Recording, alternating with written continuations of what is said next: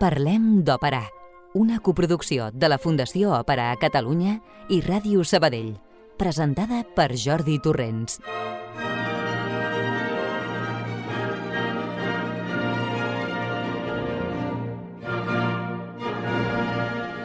Bona nit a tothom. Què, com esteu? Ara sí que ja sembla que tenim un temps tardorenc, eh? Ja era hora, s'ha fet ben esperar.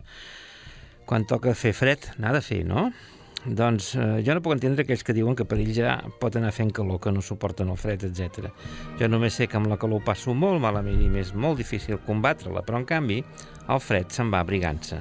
Molt més fàcil i agradable, us ho ben asseguro. Bé, estem ja a meitats de novembre, fins i tot un pèl més enllà i anem enfocats cap a finalitzar un altre any, 2022. Un any també ben estrany i dur.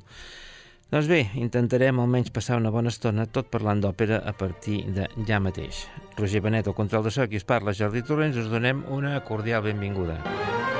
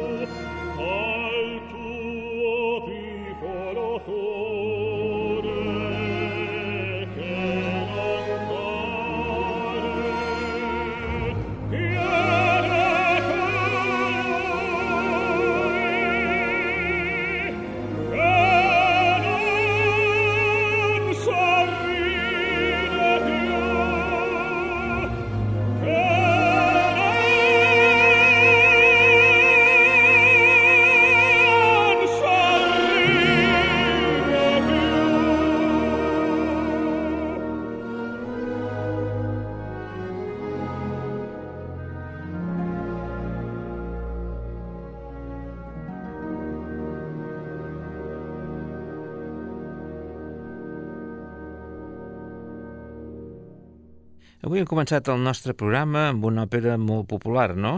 Una d'aquelles que pengem el cartell de tot venut quan la fan.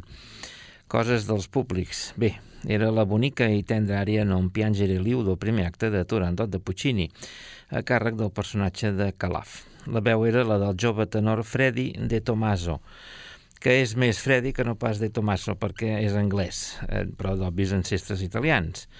L'acompanyava la Filharmonia Orquestra dirigida per Paolo Arribabeni.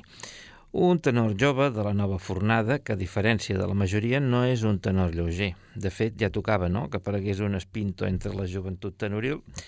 Sembla que aquí el tenim. Però de tot això i més en parlarem... Donem la benvinguda a sa santedat pontifícia infal·lible Sant Pare de tots els radiofonistes i gurú de la nova era, brillant i resplendent, que ens arribarà ben aviat, l'era d'Aquari. O era que treballava a l'Aquari de Barcelona? Ara ja no ho sé, m'ha fotut un lío. En tot cas, benvingut Albert Ferrer i Flamaric. Moltes gràcies, déu nhi eh? Avui has començat una mica peix. Avui, CD de tenor i CD d'òpera rara, no lo siguiente. Tot això i més a Lo Flamaric 40.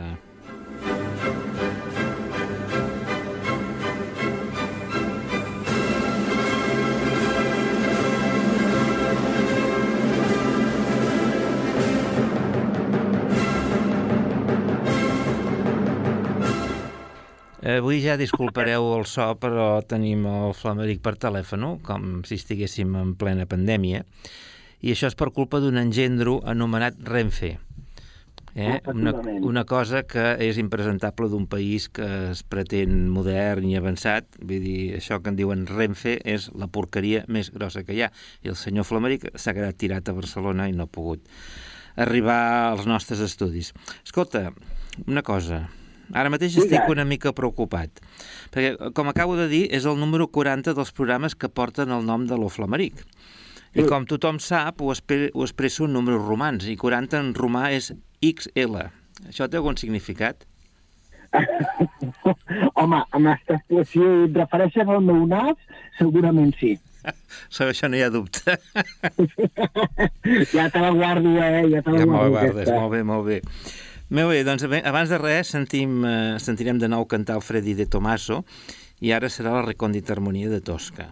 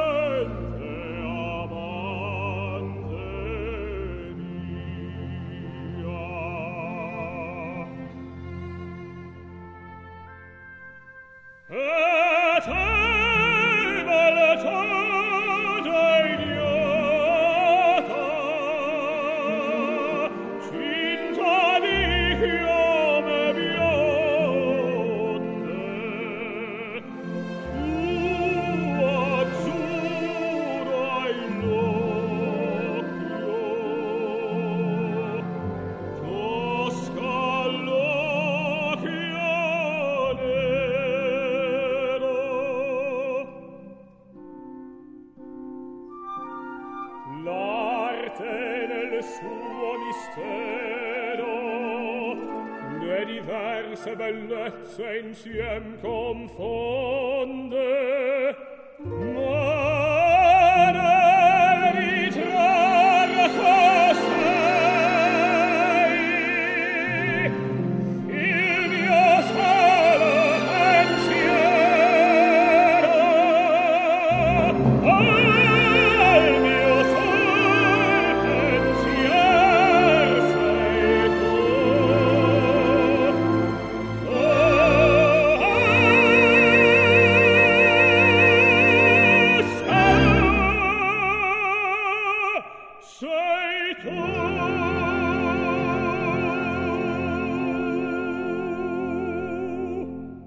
Bueno, aquest tenor, eh, aquest estiu per Facebook va aparèixer una gravació que cantava un balo i màscara al Festival de Verbier a Suïssa i tothom, oh, tenim el tenor, ja ha sortit el tenor, i a mi d'entrada va semblar una mica cridaner, però vaja, sí, me'l vaig escoltar tot, vaig tenir la paciència i vaig eh, veure que sí, que era un tenor amb una veu com calia de, del tipus Pinto, ja allunyat d'aquests tenors ocellets, que és el que més abunda.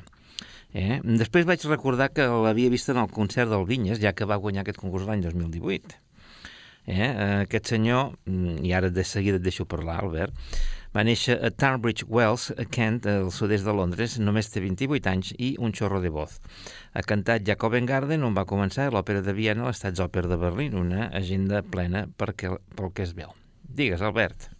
Doncs sí, eh, bastant, coincideixo bastant amb tu, és cert això que apuntes una mica d'alguns aguts com un pèl cridats, com si eh, volgués eh, treure aquest xorrodador que ja li surt per naturalesa, és una veu molt cabalosa, és una veu fosca, jo en directe no l'he escoltat, però almenys per aquest enregistrament, el títol del qual després eh, en parlarem una miqueta, Mm. eh, perquè això d'ell tenore ja és com anar una mica de sobrats, no? El tenor, el tenor de què? Sí. Ell mateix, el repertori que està fent només, vull dir, bueno, una Ah. mica discutible, però és, és aquest Sí. tipus de màrqueting. Bueno, Però com dèiem, eh, la veu, per exemple, hem escoltat el Non piangere liu, té coses del Corelli, però sense aquell metall aquella bellesa tímbrica del, Ah, del Corelli. Uh, és una veu, com et deia, cabalosa, molt important en volum, que domina, uh, que domina l'instrument el té força dominat, malgrat algun deje verista, no es que emeti cops de glotis, com faria el Carreras o el, o el Domingo cantant aquest repertori, mm. però tampoc té una emissió del tot, del tot perfecta, sobretot, com dèiem, amb aquests aguts, o algun descens, quan va l'agut i cau, alguna nota li queda una mica enrere. No li passa com al Kaufman, almenys fins on jo he escoltat, de que hi ha algunes notes que li queden calades, però certament és una veu a, a tenir molt, molt en compte. El que passa que a nivell de maneres, i ara amb l'última audició podrem escoltar també com, eh, o amb el mateix eh, recòndit harmonia, fixa't que canta amb molta lentitud, molta solemnitat, eh, sense aquella espurna, per exemple, el recòndit harmonia, sense aquella espurna de vivacitat, Mm -hmm. i eh, juga una mica a fer veure que, ja que parlaves d'Ixela, que la té eh, més gruixuda. Eh? Estem parlant de, de la veu, La veu. sense que es vegi falsejat, però juga molt a treure aquesta veu que ja per si sola li, li sortiria. Sí, sí, sí, sí, molt bé. Escolta, parlant de veus grans, tu te'n recordes que una vegada, un dia vam, vam comentar un CD de la Lise Davidson, no? Te'n recordes? Sí, Bueno, ahir la vaig sentir al Liceu, en directe per primera vegada. ho vaig veure al Facebook. Impressionant, impressionant. Aquesta tia donarà Ella- molt i molt Ella també, perquè han sortit fotografies Bueno, que eh, dius, quin tros de dona més alta pues i mira, quin cap. fa, fa un metro vuitanta-vuit, eh? A tots nosaltres d'aquí a l'estudi ens treu dos caps. Ben bon. Bueno, li, li arribem a l'alçada que ella interessa, també. Això, això el Pons, que era el que dirigia, li arribava per allà. Uh, bueno, és impressionant, eh? Aquesta veu, en sentirem mm. A parlar molt, és com la Nilsson d'avui en dia, eh? És una, una veu... Sí, o la Flagstaff si no s'espatlla. Sí, era, que no sí, esperem que no s'espatlli, però jo crec que té, aquesta noia té qualitats, perquè va cantar les dues àrees del Tannhäuser, el primer, i la primera, que és més el Dichtoire Halle, que és més així de potència i tot això, i Sí. la segona, que és la pregària que va fer, és més recollida, amb pianíssims, amb mitges veus i tot això, ho va fer fabulosa totes dues. I llavors Sí. ja no parlem de les seves intervencions a la segona part, que era l'Electra, que l'Electra era la Teorin, que també va estar molt bé, i ella feia la Crisòtemis, i la Waltraud Mayer, que feia la Clitemnestra, que per cert era el comiat de Waltraud Mayer, que d'aquí 10 setmanes se retira, i era el seu comiat Sí. en els teatres d'Espanya. Bé, això és un comentari totalment a part, que no té res a veure amb el tema del dia. A veure aquest senyor Freddy aquest, per cert, les fotos que surten al d'allò, té una mirada una mica inquietant, trobo, eh? amb, amb ulls de diferent tamany, no sé, té una mirada que fa, fa una mica de por.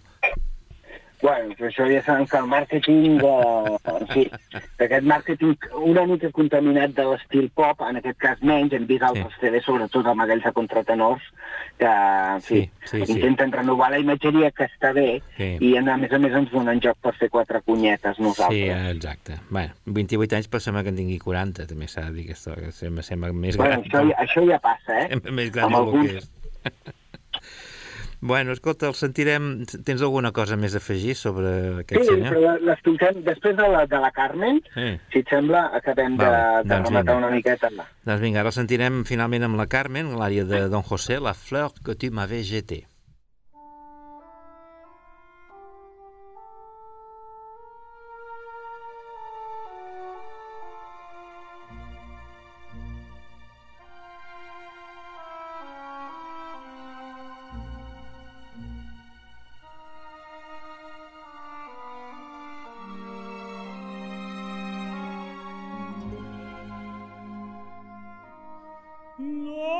la fleur que tu m'avais jetée,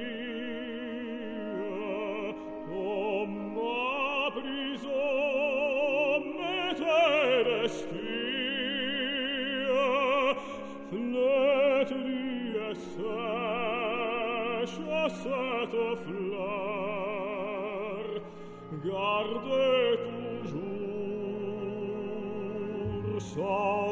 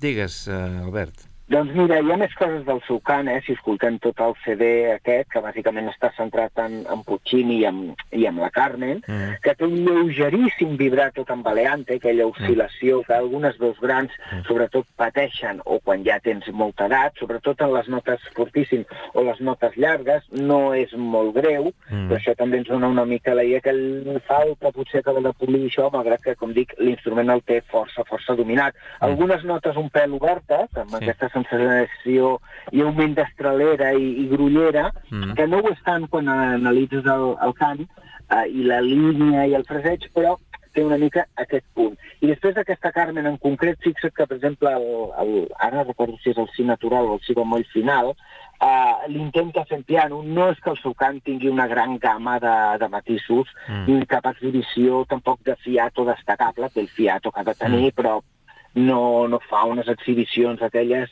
que, que quedes estorat i en concret aquest uh, últim agut uh, apianat el fa més en falset que pròpiament en, en piano. Sí, sí. sí. Uh, I és, uh, bueno, sostén molt bé les frases, això sí, però sense aquest tipus d'envelliments Sí. i refinaments que altres cantants amb aquest mateix repertori eh, han No. demostrat. I, en certa manera, si abans apuntàvem una mica que té coses del, del Corelli, també té algunes coses del Mario del Mónaco o fins i tot del mateix Kaufman, Mm. insisteixo, sense quedar calat, almenys fins jo, Bueno. on jo l'he escoltat, cosa que el Kaufman sí. I a vegades també, i amb això acabo, la dicció també és molt perfectible, eh? A vegades obre la boca i comença a fer allà les vocals sense una articulació del text que acabis d'entendre ben bé què, què està dient. Bé, en tot cas, jo crec que se'n sentirà parlar d'aquest mosso, espera si el veurem per aquí al Liceu i llavors podrem anar opinant. Sí, això sens dubte perquè aquest tipus de veus no, no abunden Sí. i si mm, és tenor de veu però és una mica sensat de cap, eh, té carrera per endavant i Mhm. grandíssims papers. Molt bé. Parlem d'òpera. I bé, després de sentir música del repertori més habitual, tot comentant el CD de Freddy de Tomaso, ara donarem un gir de 180 graus i més amb el tema que encetem a continuació. Ara, per cert, fa temps que no parlem de cap novetat d'IBS Clàssica, la discogràfica amb seu Andalusia, que ens passa tot el que publica. Avui toca parlar d'una novetat interessantíssima que acaben de treure. No sé si recordeu que ja fa més o menys un any vam presentar una òpera basca, Maitena, de Charles Collin, i vàrem dir que existeix el projecte d'anar traient a la llum i enregistrar títols d'aquesta procedència. Doncs bé, avui us presentem el segon capítol d'aquesta tan lloable tasca que es farà algun dia el mateix amb el patrimoni líric català. Ai. Avui parlarem de Lide ta Ishidor, Lide i Ishidor, eh, cuento lírico infantil amb lletra d'Alfredo Chave i música de Santos Inchausti.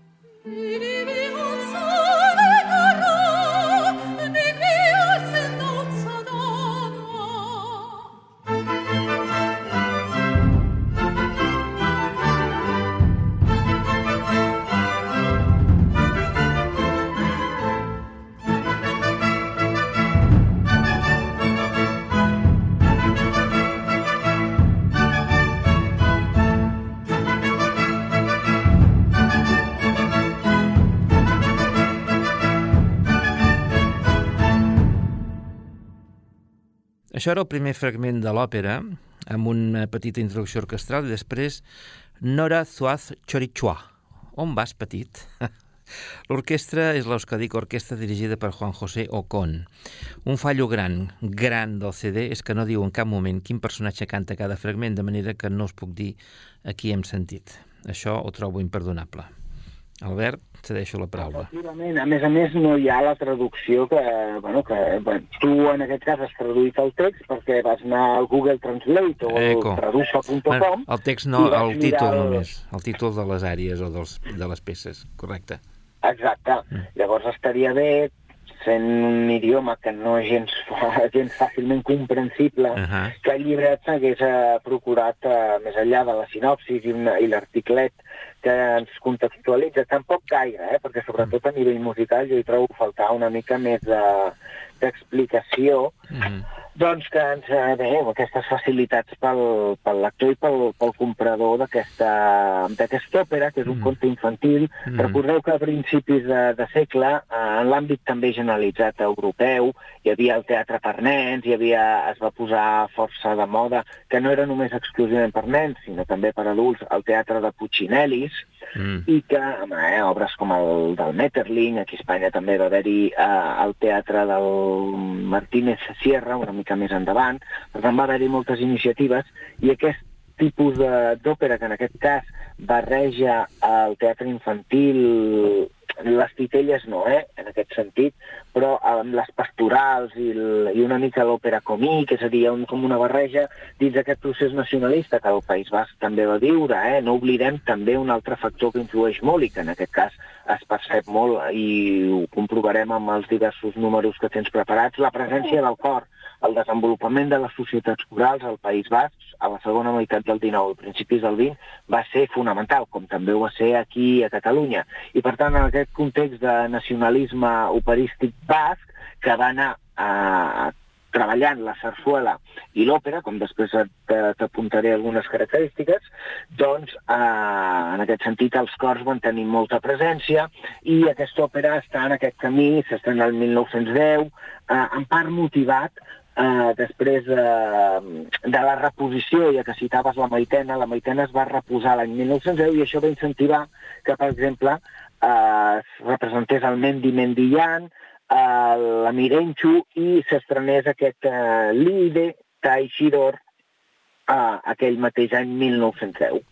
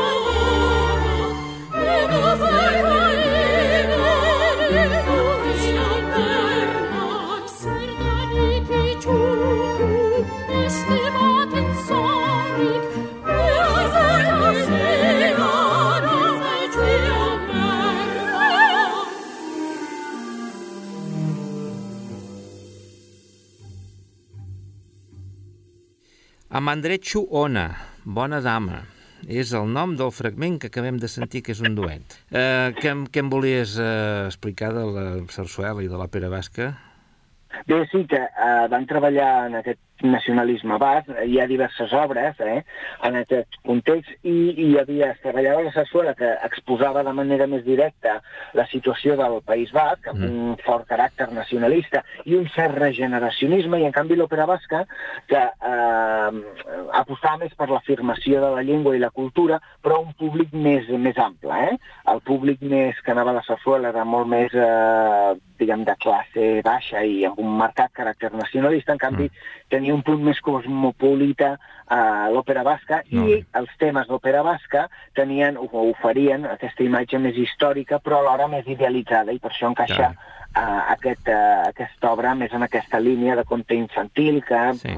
és un, com un refregit inspirat en el Hansel i Gretel, Molt bé, molt bé. en aquesta línia. Molt bé. Eh, encara que no sapiguem qui canta, direm de tota manera qui intervé en aquest CD, que els solistes són Marta Ovieta, com a Lide, Maite Maruri, eh, com a Ishidor, Olatz Saitua, com a la Viejecita, la Raitz Navas, com la Fada, i Gorka Unamuno, com a Satanito. El cor és la Societat Coral de Bilbao, amb cor de nens i d'adults, i eh, bueno, ja hem dit que era la Euskadi Orquestra dirigida per Juan José Ocon.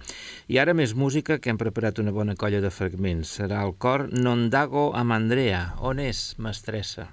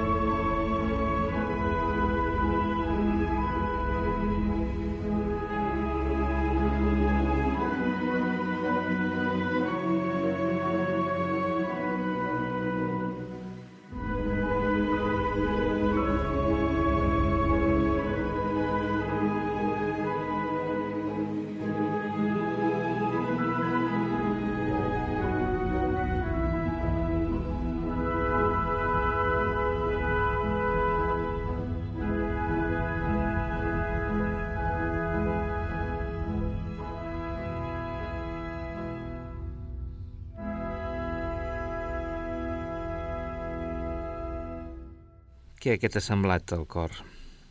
Doncs bé, aquesta, aquesta presència del cor, eh, com ja he dit abans, que a més a més, eh, moltes d'aquestes obres eh, les estrenaven algunes societats i cantants eh, amateurs. Per exemple, hi ha una, la que es considera la primera òpera d'Escoganda, Pudente, de 1884, que és una mena d'òpera còmic amb trets pastorals, Mm. amb llibret del pare de Pío Baroja, Ah. i que eh, musicalment, per exemple, eh, agafa molts eh, aires zoficos i, i música popular basca, que això també ho trobem aquí, ho sentirem amb els propers números, Sí. i que doncs, va ser estrenada per, per cors amateurs. Per tant, Mm. l'escriptura de- d'aquests passatges o d'algun altre que després escoltarem d'aquesta mateixa obra, hem de tenir present que certes dificultats no les poden fer, que són cors eh, homofònics amb una línia més aviat senzilla. Molt bé. L'estrena de l'òpera, eh, per cert, fou a Bilbao el 24 de maig de 1910 i mm, va ser exitosa. Quatre pinzellades biogràfiques sobre el compositor Santos Inchausti, que va néixer a Munguia, Vizcaya, el 30 d'octubre de 1868, fill de l'organista local. Es va dedicar a la direcció coral i a la composició i el 1896 va fundar l'Orfeón de Munguia i el 1898 és nomenat sotsdirector de la Societat Coral de Bilbao, el mateix cor que ha enregistrat d'aquest CD, per cert. La seva activitat en el sector dels orfeons fou notable. També va ser professor de música a Bilbao i va compondre música coral per veu i piano, per xisto, per banda i pel teatre líric, on a més de l'Ideta i Xidor va compondre una altra òpera titulada Itzasondo. Va morir el 1925 en el seu poble natal.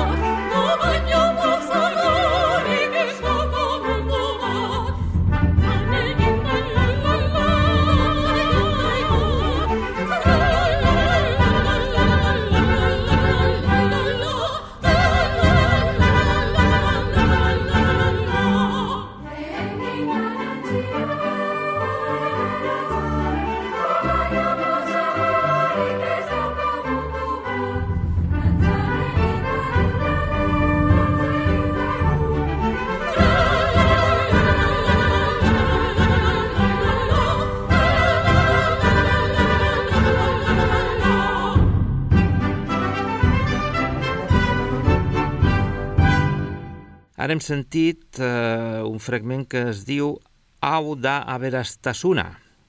Això és riquesa. Eh? Aquí veieu, i fem classes de basc pel mateix preu. i que té els ecos, té els ecos de, de Forcico, eh, d'aquesta Sí. música eh, popular. Sí. Eh, escolta, deixa'm dir un, un extracte de la voz de Guipúscoa, molt curtet, de Mm. quan es va estrenar aquesta obra, Vinga. eh, que cuento lírico para niños en dos actos, y la voz de Gui- Guipúzcoa va a publicar. La obra considerada en conjunto no puede calificarse de ópera vasca, pues el libro no tiene sabor regional Ah. y en la partitura no pueden justificar tal denominación algunos motivos vascos perdidos entre música i incolor. És això que et deia, que l'òpera eh, oferia aquesta imatge com més idealitzada, en canvi la sarsuela aquesta visió més, eh, més realista, malgrat que eh, musicalment doncs, s'intenta inspirar amb tocs de color, amb instrumentació, amb danses, etc etc. Sí, sí. Perfecte. Bueno, sentim més música.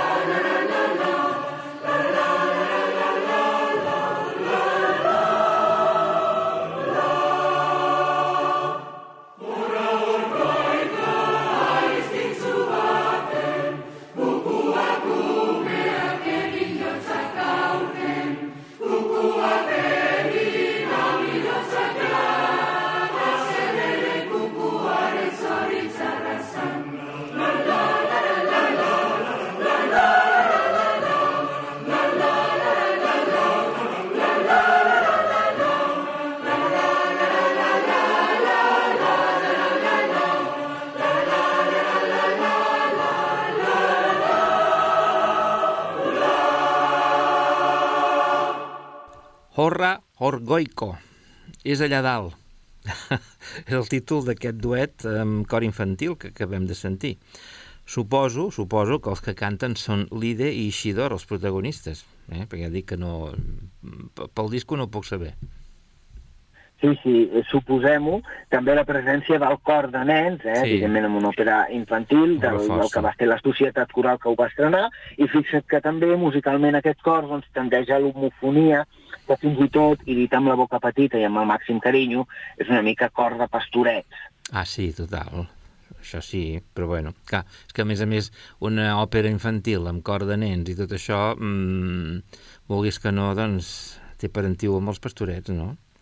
En lloc de l'Ideta i Isidor, allò que és el Lluquet i Rovelló, no? Eh, Els pastorets, el Lluquet i el Rovelló, en lloc de l'Ideta i Isidor. Ai, sí. Bueno, a veure, doncs mira, un altre fragment musical, si us plau, que serà el epílogo 2, Zamau Onegaitik, que en català de Sabadell és desfer-se d'això. posso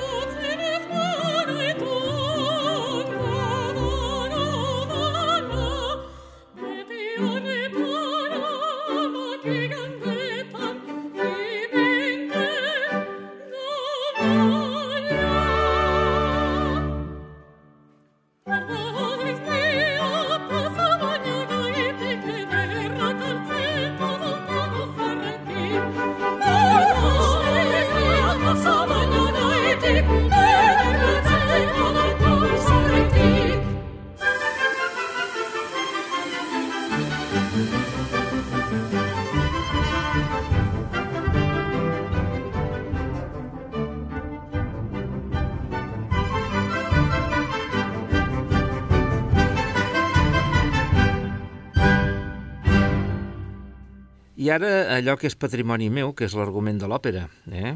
Mm, Home, ja, i tant. Ja no parlem de patrimoni líric bas, parlem del patrimoni del senyor Torrents, que és dir els, els, els arguments de les òperes. Jo ho diré ràpid, perquè en realitat ens trobem davant d'una versió basca del conegut conte Hansel i Gretel. Hi ha ben poca diferència, no? Aquí, no sé si... el Hansel i Gretel és dels germans Grimm, em sembla.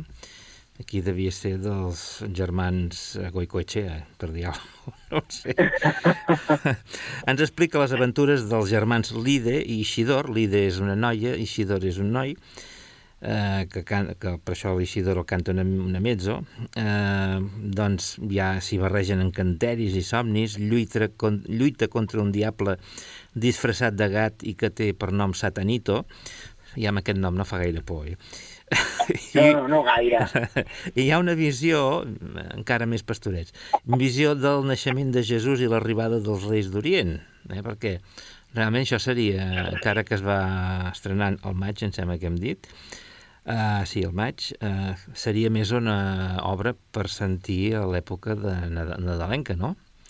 Una mica com passa amb el Hansel i Gretel a les contrades europees, que cada any al voltant de Nadal programen el Hansel i Gretel, que aquí no, Sí. aquí, ni, aquí no programen ni per atràs. Um, bé, al final és feliç, no cal dir-ho. Uh, allà no, aquí no maten la bruixa ni això, sinó que la que aparentment era la iaia aquella, la viejecita, que, que podria ser la bruixa, no, és bona i els hi, els hi posa tot a punt i els hi deixa tota la casa ben parada, amb menjar per quan tornen els pares, etc etc. Eh? Recordeu que és una òpera destinada al públic infantil, bàsicament. També, també se suposa que ho serien el Hansel i Gretel i els contes aquests dels germans Grimm, però jo penso que als germans Grimm se'ls hi anava la pinça molt sovint i feien realment alguns d'aquests contes són veritables eh, catàlegs de crueltats.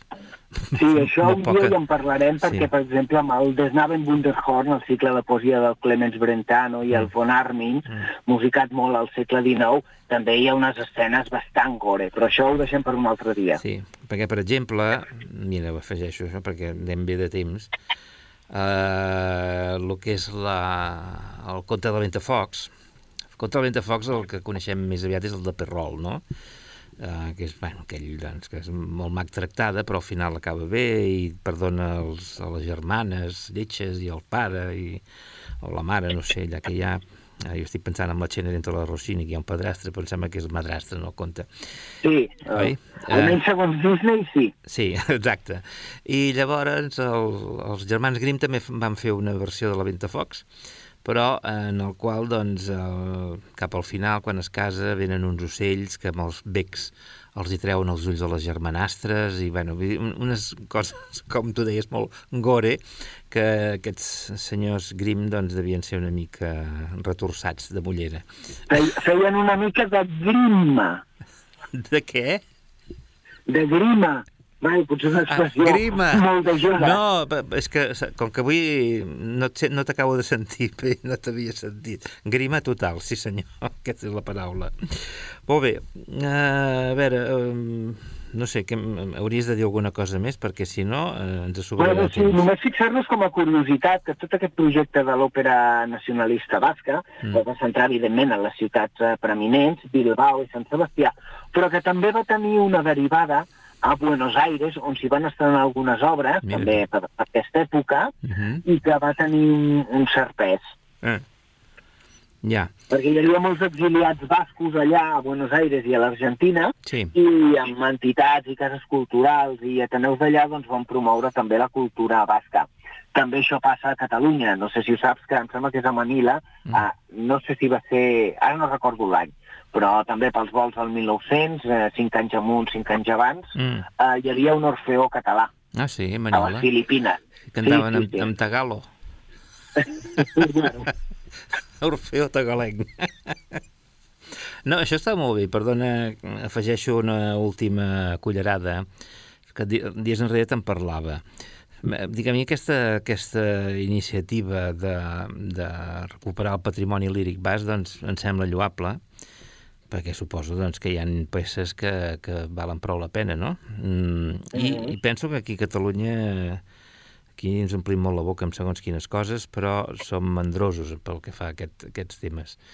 No sé, Efectivament. mm, no, no, no s'acaba de fer, i hi ha un patrimoni molt ric, molt, molt ric, realment. Sí, eh, sí, tot el que és el teatre líric català, des d'Anselm Clavé fins a Martínez Valls, Sí. sí. uh, o altres O compositors Morera, que, que hi ha entremig, sí. sí. sí, sí, evidentment tota la producció de Morera, Pedrell eh, mateix. alguna cosa d'Alvires, tot el Pedrell, estem parlant d'òpera, de sarsuela, Sí, sí. eh, o de teatre líric, eh, tot això, a veure si algun dia la FOC, ara que sembla que està prou consolidada, doncs eh, contacta amb IBS Classical, hi ha alguna subvenció, hi ha algun eh, sí. privat, i es pot enregistrar, perquè, escolta, l'orquestra es té, el cor eh, també, i si no hi ha moltes societats corals i entitats corals que poden venir de reforç, Mm. les discogràfiques hi són a Catalunya, els auditoris també, per tant, escolta, caldria començar... I els musicòlegs que ho investiguen o ho investiguem també hi són, per tant, escolta, uh, tenim tots No. els elements per començar a fer una cosa Jo tinc,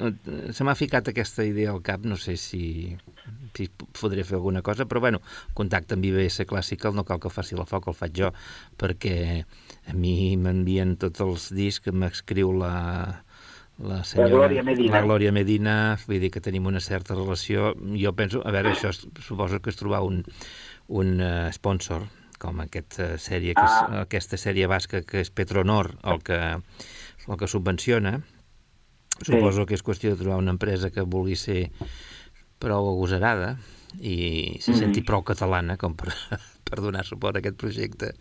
I segur que els IBS t'ho faria, ho farien encantats de la vida. I a més a més tinc al cap quina ha de ser la primera la primera òpera eh, a recuperar en CD, si més no, ha de ser la Fada de Morera que la vam fer aquí fa molts anys i penso que jo em recordo que no em va agradar gaire, però recentment aquest any l'hem revisitat amb la Verònica Beinés, que va venir aquí, vam parlar, i, em Sí, va, i la, vaig programa. sí, i la vaig apreciar una mica. L'he apreciat molt millor i, i he vist la influència wagneriana i penso que valdria la pena doncs, eh, posar fil a l'agulla. Bé, a veure què passa. Sí.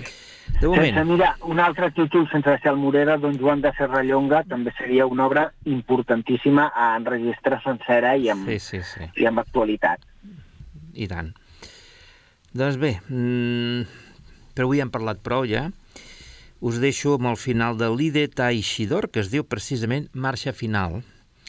I us hem fet sentir una bona quantitat de música d'aquesta òpera basca perquè la pugueu apreciar bé. Una música amable i sense grans pretensions, penso jo. I esperem i desitgem que continuï doncs, aquesta encomiable labor de rescat del patrimoni líric basc que, insisteixo, com a català em fa molta enveja. Gràcies un cop més, Albert.